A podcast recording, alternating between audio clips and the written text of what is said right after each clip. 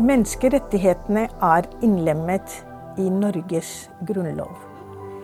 Likevel fører utviklingen i innvandringspolitikk at mange med minoritetsbakgrunn har vanskelighet å oppnå fulle rettigheter. I en podkastserie på fire episoder skal vi sette søkelyset på innvandringspolitikk og truede rettigheter. Serien er basert på Mirasenterets publikasjon 'Velferdsstatens skyggesider rettighetstap for minoriteter'. Dagens episode handler om trygderettigheter og pensjonsrettigheter. Og vi kommer til å stille spørsmål om alle borgere har like trygde- og pensjonsrettigheter i Norge Bekymringer rundt økende antall pensjonister og flyktninger har ført til at det har skjedd veldig mange innskrenkninger i lovverket. Vårt spørsmål er betyr disse innskrenkninger at noen borgere mister like rettigheter enn f.eks. flertallet? Jeg er Fakra Salimi, og med meg i studio har vi Asla Maria Bø Fuglestad som er medforfatter av boka eh, 'Velferdsstatens skyggesider rettighetstap for minoriteter'. Eh, Asla Maria er også rådgiver ved Mira-senteret. Så har vi Kansa Ali. Kansa Ali er sosionom og også nestleder i Mira-senteret. Min første spørsmål er før vi går inn og diskuterer hvordan minoritetene mister eh, eh, deler av rettigheter, hva er egentlig pensjon og trygderettigheter? Vi kan begynne med Asla Maria. Ja. Nei, eh, trygderettigheter eh, og pensjonsrettigheter er jo eh, rettigheter man har gjennom folketrygden. Eh, og folketrygden er jo på en måte grunnstammen i velferdsstaten. Eh, og i utgangspunktet så omfatter den alle Norges innbyggere. Alle som bor permanent lovlig i Norge. Pensjonsretter er altså en form for trygderettighet, men man kan jo i tillegg ha opparbeidet seg pensjonsrettigheter gjennom jobb, tjenestepensjon, men man får fra folketrygden en sånn garantipensjon da, gjennom folketrygden. Det skal alle innbyggere ha krav på. Så den garanti handler om alderspensjon? Eller? Ja. Eh, alderspensjon eh, har man rett på altså, Før kalte man det minstepensjon, og nå kaller man det garantipensjon. Eh, og det kan man ha krav på altså som gammel, over 67 år, eller hvis man blir ufør. Men trygg, eh, folketrygden omfatter også andre rettigheter som sykepenger, foreldrepenger, dagpenger, altså arbeidsledighetstrygd som det het før. Mange av disse viktige eh, velferdsordningene som vi har i Norge. Nå snakker jo vi om eh, hvordan disse rettighetene er blitt innskrenket. Så hva er hovedlinje i det? Um, når det kommer til innvandrere, uh, så har det blitt gjort noen endringer i, i nyere tid. Uh, og det kom i, som følge av eh, den forrige flyktningkrisa. Eh, I kjølvannet av den så var det mye snakk om at man var bekymret for velferdsstatens bæreevne. Eh, og at man vet jo at det også kommer en stor eldrebølge som vil sette press på velferdsstatens bæreevne. Og når det da kom mye innvandring, eller man var redd for at det skulle komme det, så eh, ble det mye snakk om at vi må gjøre noen grep. Og da eh, var noe av det man gjorde, eh, var at man fjernet en sånn særordning som hadde sikret at flyktninger fikk tilsvarende rettigheter til minstepensjon som alle andre borgere har. Ehm, man har en sånn system om at man skal ha bodd 40 år i Norge for å få eh, fulle pensjonsrettigheter, i den forstand at man har rett på minstesatsen, i hvert fall eh, som alderspensjonist. Altså minstepensjon. Eh, og den regelen har man hatt eh, hele tiden. Eh, men så fikk flyktninger unntak, fordi at flyktninger kommer jo halvveis i livet til Norge og har svært sjelden med seg pensjonsrettigheter fra sine hjemland. Derfor så fikk de unntak om at man likevel eh, skal få minstepensjon. Og dette, altså, det er jo ikke noe som henger sammen om man har jobbet eller ikke. Eh, en hjemmeværende husmor som har bodd eh, i livet sitt i Norge, har krav på denne minstepensjonen. Og det hadde da tidligere også flyktninger. Men så gjorde man i Det var fra 2021 det ble satt i kraft da, at flyktninger ikke lenger fikk det og da får man fratrekk fra Hvis man ikke har bodd 40 år i Norge, så får man mindre da, av minstesatsen. Så Det var en viktig endring. Og så var det også andre endringer som handlet om at eh, man måtte ha bodd minst fem år i Norge for å få i det hele tatt f.eks. uføretrygd, eh, kontantstøtte, eh, stønad som enslig forsørger og en del andre sånne typer stønader. Det er jo veldig alvorlige eh, endringer, og særlig når vi ser på flyktninger som egentlig ikke har eh, mulighet til å eh, endre eh, de årene de har flyktet fra sine hjemland.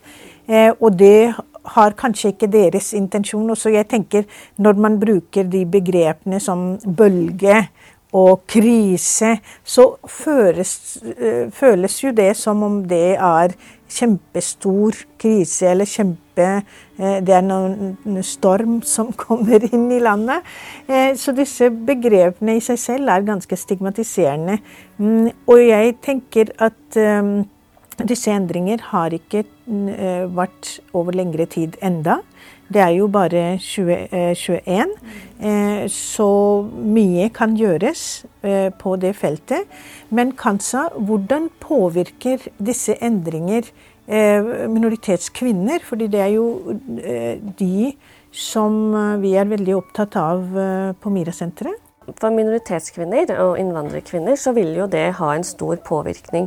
Eh, og som Asla Maria sier, at man har jo mulighet til å opparbeide seg en inntektspensjon også. Men veldig mange eh, kvinner med innvandrerbakgrunn jo, sliter jo allerede med å komme inn i arbeidsmarkedet, og har da begrenset mulighet for å få den type inntektspensjon i tillegg til minstepensjonen. Sånn at eh, og det er jo også kvinner som har hatt store kanskje omsorgsoppgaver i hjemmet, har vært med på å oppdra mange barn som jo da betaler skatt til samfunnet og bidrar til at eh, andre kan få disse velferdsordningene. Eh, og da mm, skaper vi jo et samfunn, eh, altså et samfunn hvor vi har mennesker som har veldig begrensede rettigheter, men også skaper et samfunn hvor de går inn i fattigdom og blir avhengig av eh, andre stønader, sosialstønad f.eks.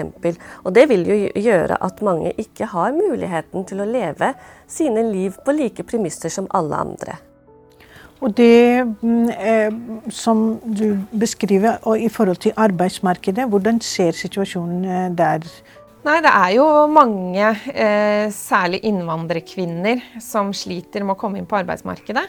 Eh, og det var jo noe av det som ble brukt som begrunnelse for disse endringene. Eh, var jo nettopp at det skulle eh, styrke arbeidsinsentivene til innvandrere og flyktninger som kom til Norge. At de skal altså bli mer motivert til å komme seg i jobb hvis man stiller strengere krav. Det blir vanskeligere å få trygd. Eh, at man skal da bli mindre grad passifisert og liksom være motivert for å komme seg i jobb. Eh, men så rammer jo dette Altså alderspensjonister er jo uansett ikke altså Er ikke et reelt eh, argument at de skal ikke komme seg i jobb. Eh, men uføretrygdede er jo ram, påvirkes av disse endringene. Eh, men eh, jeg tenker jo at det er betenkelig å skulle si at denne gruppen må man eh, styrke arbeidsinsentivene til. Det er klart at noen er delvis uføre og kan ha en restarbeidsevne. Men å få en jobb hvis man er delvis ufør, innvandrerkvinne, og noe som preger i hvert fall mange flyktninger, at man har begrensede språkferdigheter, kanskje man har sant, komplekse utfordringer. Og da er det ekstremt vanskelig å komme seg i jobb. Dette er jo veldig komplisert. Og politikerne markedsførte jo hele eh, endringspakke med at det er integreringsfremmende. er det virkelig integreringsfremmende, dere? Eh, det er det jo ikke. Eh, og det er jo som Asla Maria sa, eh, det legger jo veldig mye press på spesielt de som har flyktningbakgrunn og har, har bærer med seg mye bagasje allerede. Og der har man jo også gjort mange undersøkelser som på en måte stadfester det at det må være fleksibilitet i systemet. Det må være mulighet til å på en måte kunne organisere seg, sine liv, i hvert fall en, en, del år, for å kunne etablere seg godt. For så å bli ordentlig integrert inn i samfunnet. Eh, men slik som eh, disse reglene er nå, så er det jo på en måte et veldig stort ansvar og pålegger på en måte mye mer stress, som gjør situasjonen faktisk enda mer vanskeligere eh, for veldig mange kvinner, da, spesielt. Eh, fordi de har ofte også mange omsorgsoppgaver, i tillegg til å tenke på seg selv og hvordan de skal integrere seg. Og det kan jo også fungere stigmatiserende at, å bruke det argumentet om at hvis at man skal begrense trygderettigheter til uføre bl.a. Eh, for å styrke deres arbeidsinsentiver, da insinuerer man jo at de som mottar trygd, gjør det fordi at de ikke gidder å jobbe. At de ikke har sterk nok motivasjon til å jobbe. Eh, og, mens realiteten er jo at det er ganske strenge krav for å få uføretrygd. Eh, sånn at det er jo gode grunner til at de ikke jobber. Eh, men så bruker man en sånn argumentasjon som får folk til å tro, da, som hører disse argumentene, at eh, bare ja, man tar fra dem trygd, så kommer de til å komme seg ut i jobb. Eh, men det er jo dessverre ikke det som er realiteten.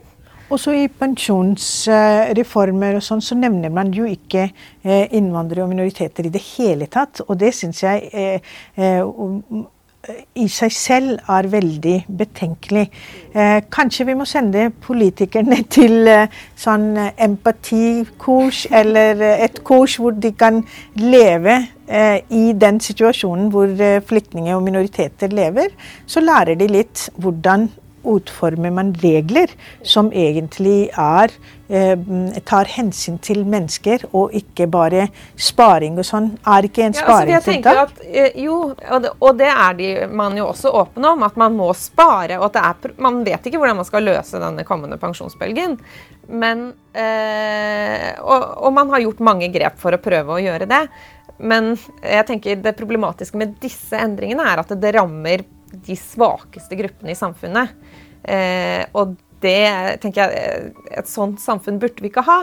Eh, og folk vet ikke om det engang. Så man tror ikke at disse forskjellene er der. For folk kjenner ikke til det, for det snakkes så lite om. Eh, men eh, jeg tenker det er helt legitimt at ok, vi må gjøre noe med pensjonsordningene i samfunnet, for nå er tidene endret seg, folk lever lengre. Men det bør ikke ramme de som er allerede de svakeste gruppene i samfunnet. Og så Hvis vi eh, går litt uh, videre med det at uh, pensjon. Mange nordmenn liker jo når de blir eldre, å være i Syden og lever et litt mer roligere liv og kanskje har litt mer sol. ikke sant? Eh, så, um, men hvordan er disse rettighetene, pensjonsrettigheter? Kan eh, innvandrere, flyktninger, minoriteter som har jobbet her mange år, kan de ta med seg eh, sine pensjoner også i andre land, og kanskje leve en alderdom som de ønsker? Altså, det er jo eh, ganske sånne kompliserte regler i forhold til det der. Eh, så, eh, og det gjelder alle. Så om man er innvandrer eller ikke, så kan man få problemer hvis man flytter til utlandet. Fordi at nettopp denne medlemskapet i folketrygden, som er avgjørende for om man får sine pensjonsrettigheter, bestemmer seg av om man bor permanent i Norge eller ikke. Så flytter man ut av Norge, så er det ikke sikkert at du kan få med deg pensjonen din. Men det er jo også sikkert også litt regler med EØS-land, ja. også uh, utenfor EØS. Hvordan uh, er disse? Altså, altså For EØS-land så har man jo på en måte noen trygde, gjensidige trygdeavtaler. Og så er det jo også, gjelder det USA og Canada og, og Chile og India, noen flere land. da. Eh, men det også varierer jo litt fra land til land. Eh, og, men det er ikke nødvendigvis alltid sikkert at man på en måte har krav på f.eks. helsehjelp da, i det landet man flytter til. Men i utgangspunktet Eh, så for de som på en måte ikke er flyktninger, så har man rett til å kunne flytte til i hvert fall et EØS-land og land hvor man har trygdeavtaler. Men det er jo, som også Aslak Marie sier, veldig sånn komplisert. Og også Nav og alle på Nav sine sider også, kan du lese Du må på en måte sette deg grundig inn i disse reglene om man vurderer å flytte ut. Men man har jo liksom, hvis man får en aldersperson, så har man mulighet til å kunne være ute av landet visse måneder av gangen, så lenge man bor seks måneder i løpet av et kalenderår i Norge. For da beholder man det medlemskapet i folketrygden. Det høres veldig mange regler her, og jeg tenker at det er jo veldig mange minoritetskvinner som ikke kjenner til disse reglene, og kanskje ikke behersker språket for å kunne eh, eh google bare nav.no og se på og lese og forstå. Så er det noen eh, plikt eller sånn eh, til Nav eller eh, noen sånne offentlige kontorer hvor de kan gi den type informasjon til minoriteter, og særlig kvinner, eh, hva slags eh, trygde- og pensjonsrettigheter de har eh, i Norge. Altså Nav har jo en veiledningsplikt. og man kan Men ringe spørsmålet er oppfyller de den plikten? Ikke sant. det er jo svært varierende. Man, for Hvis de viser til en sånn utregningskalkulator som fins på Navs nettsider, er det en oppfølging av veiledningsplikten hvis en stor gruppe ikke klarer å bruke den. Og det er jo realiteten. At det er en god del som ikke klarer å, å, å ta til seg den informasjonen som ligger tilgjengelig på nett. Eh, og der er det en forbedringspotensial? Ja, det er helt klart. Og det er jo det med pensjon å gå inn, det er jo ikke bare bare Det er ikke en sånn kalkulator som nødvendigvis ligger inne. Du må jo logge deg inn først med bank-ID osv. Og så må man jo sikkert legge inn mange ting, da. Eh, som man kanskje ikke har mulighet til.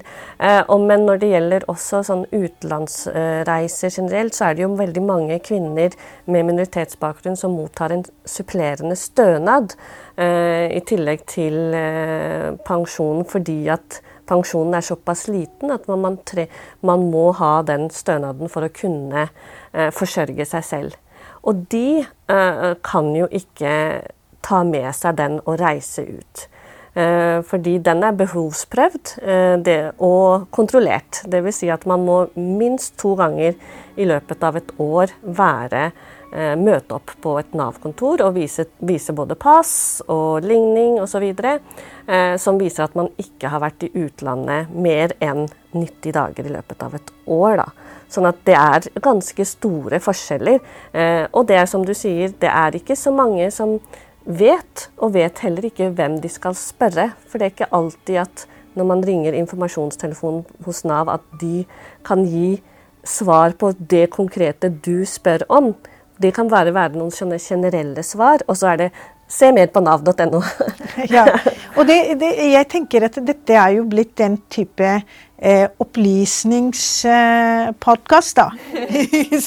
Så det er, det er liksom uh, uh, uh, Men det som er interessant å høre, hvordan den skal påvirke økonomisk situasjon f.eks. For, for barna til minoriteter. Barna til flyktninger.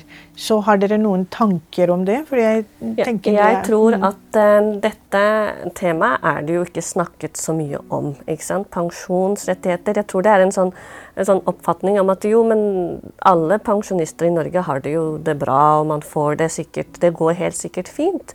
Eh, men eh, jeg eh, tenker at det vil jo etter hvert bli eh, Spesielt hvis det har vært ektepar hvor et, ene parten går fra, kanskje ektemannen, som har kanskje høyere pensjonsinntekt enn det ektefellen er at barna deres kan på en måte få et forsørgeransvar da, for eventuelt en gammel mor som ikke har eh, den inntekten da som hun på en måte har krav på.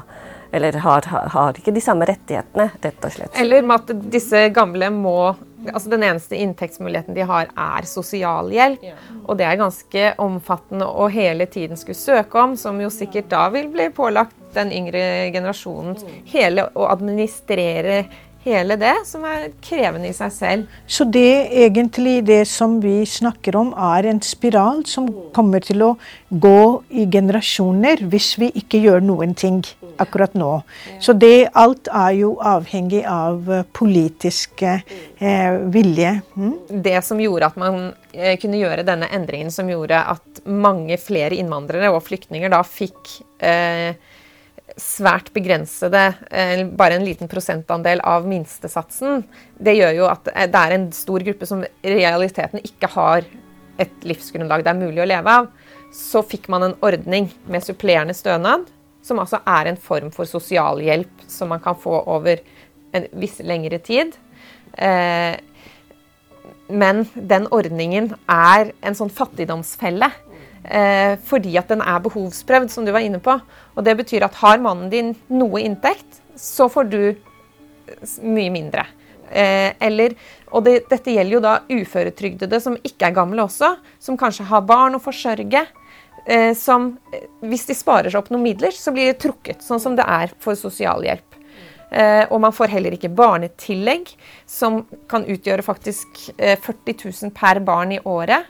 Eh, det, så det er, hvis man har to barn, da, 80 000 mindre enn andre uføretrygdede får.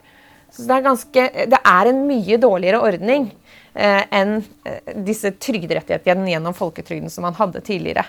Og jeg tenker jo at det er viktig når man på en måte det du sier her nå. fordi nå har vi jo snakket om pensjon, men snakker, man snakker jo også mye om sosial ulikhet og at eh, det er eh, fattigdom blant mange innvandrerfamilier. Men så er man med på å forsterke den problematikken ved å lage lover og regler som eh, forskjellsbehandler. Men når man tar den diskusjonen om fattigdom, så kommer ikke dette fram. At det er faktisk sånn at du får 80 000 mindre hvis du har to barn og er uføretrygd og har flyktningbakgrunn f.eks. Og da det, tilbake til dette med integrering. Det utenforskapet som det kan skape da, når du vokser opp i en mye større fattigdom enn naboene dine, og du ser at uh, dine foreldre de, har, de er innvandrere, de får ikke det samme. Da kan det skape en sånn utenforskapsfølelse som nettopp hemmer integrering istedenfor å fremme det. Det er jo veldig spennende tema, og vi kan eh, fortsette å diskutere veldig lenge. Eh, men eh, de av dere som ser og hører på oss nå, jeg regner med at dere har fått litt bedre innsikt i velferdsstatens skyggeside i forhold til trygd og pensjon når det gjelder minoriteter. Og en ting som er veldig viktig å huske, at eh, mange minoriteter har jo gjort Norge som sitt hjem. Og da forventer man at man har like rettigheter, eller rettigheter som alle andre borgere har. Eh, og da er det veldig viktig at politikere som lager den type politikk, som forskjellsbehandler eh, folk på urimelig vis, at den må stoppes.